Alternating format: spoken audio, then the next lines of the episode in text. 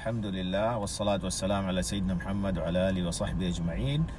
اللهم اغننا بالعلم وزينا بالحلم واكرمنا بالتقوى وجملنا بالعافية. أديكم ألف عافية جميعا. وجمعة مباركة حابب أتكلم على موضوع الأشخاص اللي عندهم نوع من الهوس في كمال الأجسام وتربية العضلات وتكبير الأجسام وإلى آخره. وإن كنت أنا مع الرياضة ومع الصحة والعقل السليم في الجسم السليم كل الكلام ده حلو وجميل.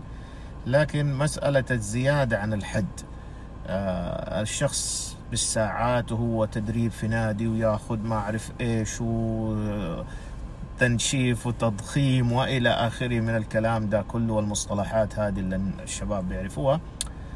طيب نفس الوقت هذا هل في جزء من هذا الوقت لتطوير نفسك لتدريب نفسك على مهارات جديدة ولا أنت بس بتكبر في جسمك؟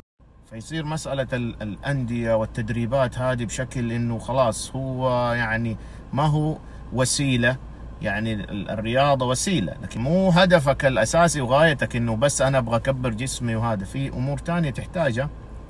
تنمية مهاراتك الحياتية تطوير نفسك تعاملك مع والديك آه، تزكية نفسك آه، قراءة شيء من القرآن يعني رتب أمورك.